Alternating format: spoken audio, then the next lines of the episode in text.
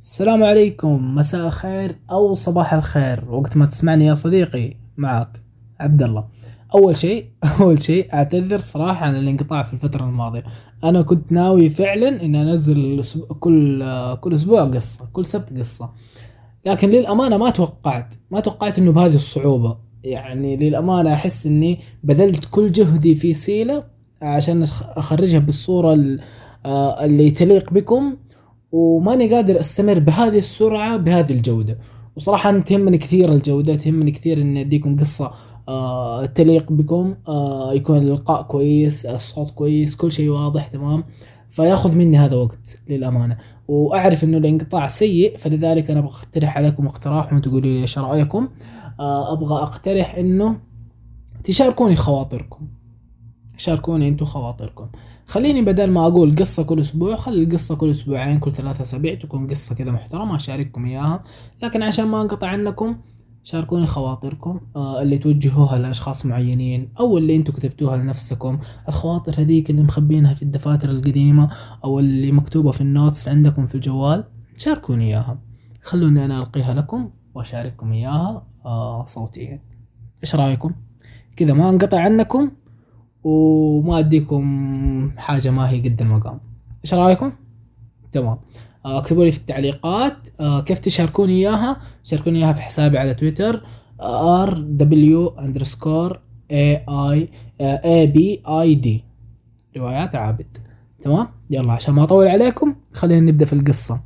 واليوم حتكون قصة خالد. اليوم أنا في قمة إنجازي. قبل أربعة أعوام أيضا كنت في قمة إنجازي لكن شتان ما بين القمتين. في الرابع عشر من آبريل عام 2014 كنت في طريقي ذاهبا لأول يوم في وظيفتي الجديدة أو بالأدق وظيفتي الأولى التي حصلت عليها بعد كثير من المعاناة. هذا ما كنت أعتقده.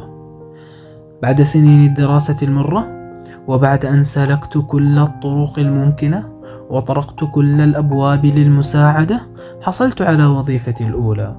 كنت ذاهبا لها مبكرا في ذلك الصباح المشرق الذي لم أرى النور بعده. لم تكن سوى لحظات من فتى طائش متهور. قطع الإشارة بسرعته القصوى فحكم علي بأن أرى لا شيء طيلة حياتي. حكم علي أن تتكسر أضلعي وأن أفقد يدي أن أرقد في الأسرة البيضاء التي أكرهها وحكم عليه بالسجن حتى إشعار آخر. بعد ثلاثة أيام وبعد أن أفقت من الغيبوبة أيقنت أني لم أكن أعلم عن المعاناة والألم شيئا.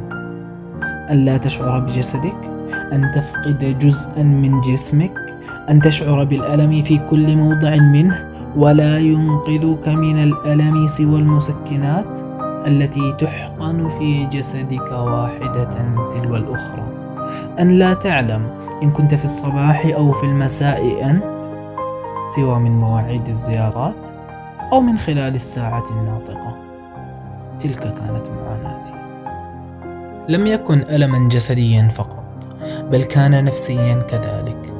تشعر بالجميع حولك يزورونك كل يوم يقدمون التهاني بأنه قد كتب لك عمر جديد أو أن عمرك مديد.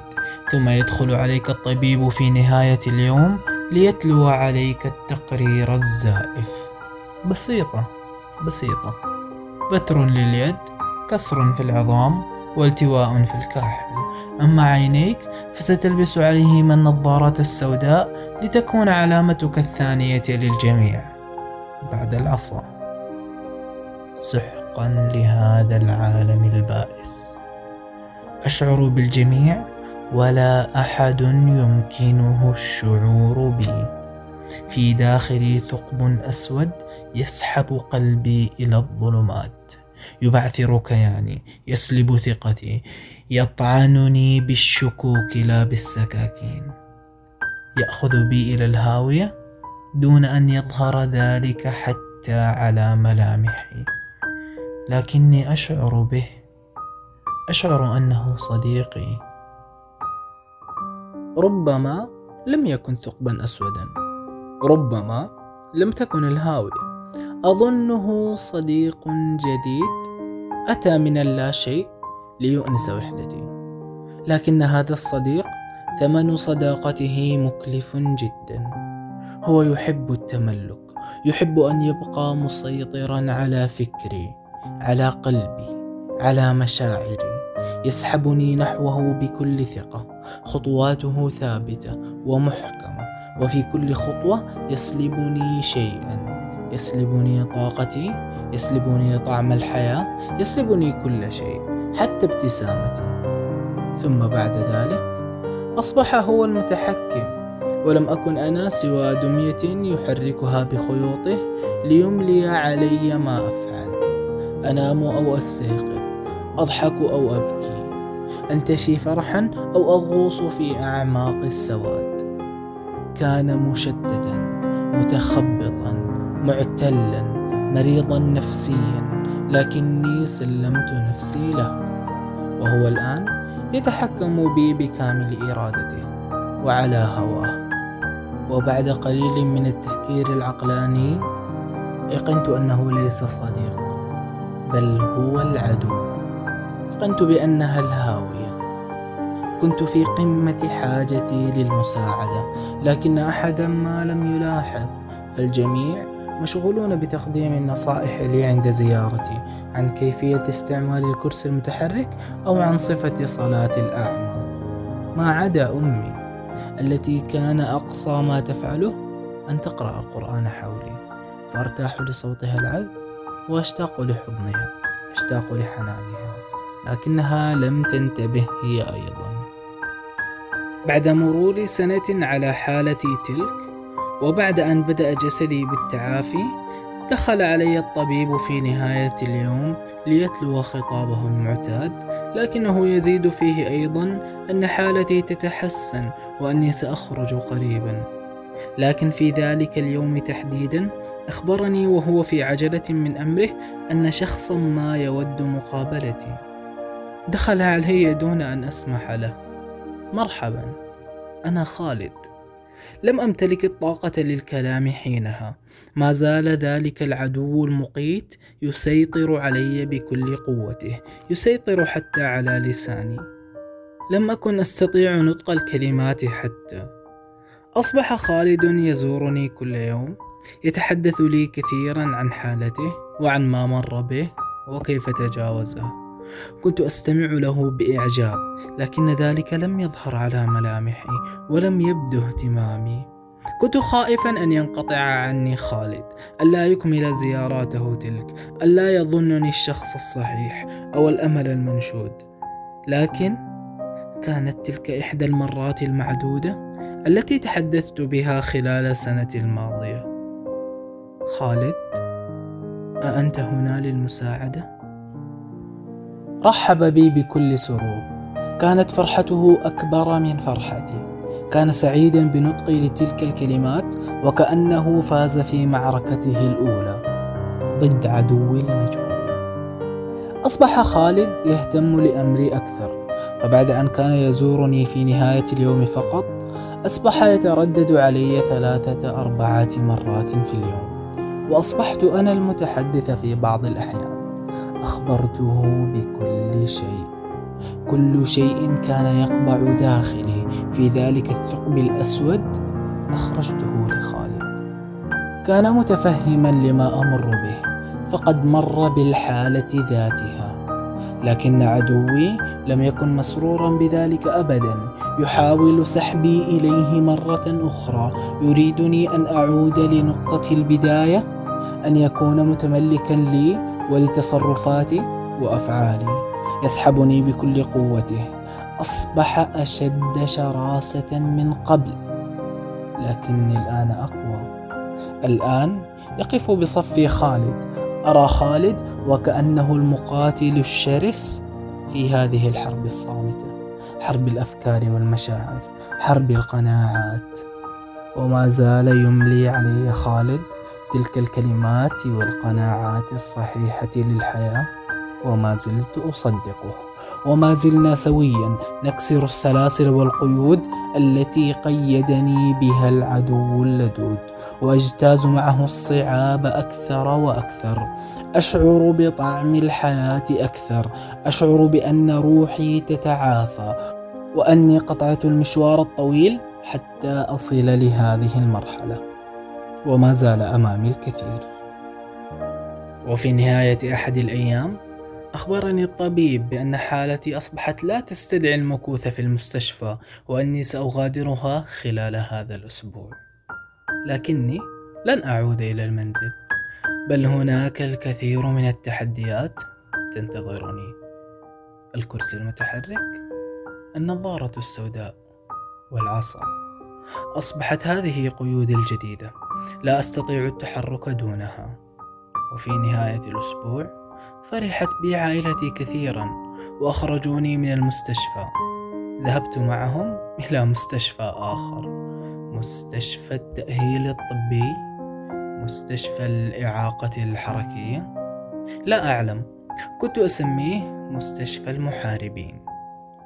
أصبح يتابع حالتي في هذه المستشفى عدد من الأخصائيين المتمرسين وبعد تقييم حالتي بعد سنة ونصف من تلك اللحظات السريعة الطائشة أخبروني بأني سأحتاج إلى سنة ونصف أخرى على الأقل حتى أقترب من الحالة الطبيعية.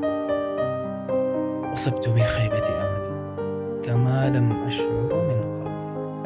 ظننتها أسابيع أو شهور كفيلة بإعادة حالتي الطبيعية لي. لم أكن أعتقد أن عمري سيؤكل بهذه الطريقة البشعة وكأن السنين لا شيء. وأسوأ ما في الأمر أني لن أخلع النظارة السوداء. لم أكن متحمسا لبدء العلاج لكنه إن لم ينفع فلن بدأت بفترة العلاج لكني عدت لزيارة خالد مرة أخرى. بعد أن كان يزورني أصبحت أنا من يزوره بل كنت في حاجة ماسة لمواساته. رغم أن حركتي ما زالت صعبة وما زال يصعب علي التنقل دون مرافق. في زيارتي الأولى له بعد انقطاعي رأى في ما لا أراه في نفسي. رأى البشاشة والتحسن بدا واضحا له على جسدي. وقبل أن نتحدث حصلت على الإجابة التي أريدها. نعم هذا العلاج يجدي نفعا. نعم حالتي تتحسن. نعم ودعت عدوي السابق واستبدلته بابتسامة. نعم. نعم نعم. هذه الإجابات التي كنت أريد الحصول عليها ولا أحد يمكنه ملاحظة ذلك. وإعطائي هذه الإجابات سوى خالد. شعر بي أيضا وأن هذه الزيارة مكلفة علي ومرهقة لي. فبادر بالاقتراح هو أن يزورني في المستشفى الجديد بدلا من ذلك القديم. استمريت بالعلاج واستمر خالد في زيارتي. وتعرفت هنا أيضا على محاربين يمرون بنفس حالتي أو حالات مقاربة. اجتهدت بالعلاج أكثر التزمت به وأوليته جل اهتمامي. لكني لاحظت انقطاع خالد تدريجيا عن زيارتي وأجهل السبب. تجاهلت الأمر قليلا فأنا الآن أملك هدفا وعلي تحقيقه. مرت الأسابيع والشهور وما زال انقطاع خالد مستمرا وما زال يتعذر عن المجيء. لا بد أن له ظرفا أو أن حياته أصبحت مزدحمة أكثر. لا بأس فأنا ما زلت مستمرا في طريقي. وبعد أن أنهيت نصف مدة علاجي أصبحت أعرف أغلب من في هذه المستشفى. الأخصائيين والممرضين والدكاترة وحتى المحاربين. رغم أني لا أرى لكني أشعر وكأن هذا المكان هو منزلي. أحفظ كل شبر منه الآخرين يرونه لكني وحدي من يحس به من يلمسه ويتحسسه يوميا. وفي الباحة الخضراء أصبحنا نجلس سويا أنا والمحاربين ممن أعرفهم. ويجلس معنا الأشخاص الجدد الذين جاءوا إلى هذه المستشفى حديثا. فنتبادل الخبرات والتوصيات. وكنت مهتما بتجربة أحدهم بعد أن فقد قدمه وأصبح يتحدث عن تجربته للقدم الاصطناعية التي ساعدته كثيرا على الحركة. وأصبح محل اهتمامي أن أحصل على يد اصطناعية لعلها تعوض بتر يدي.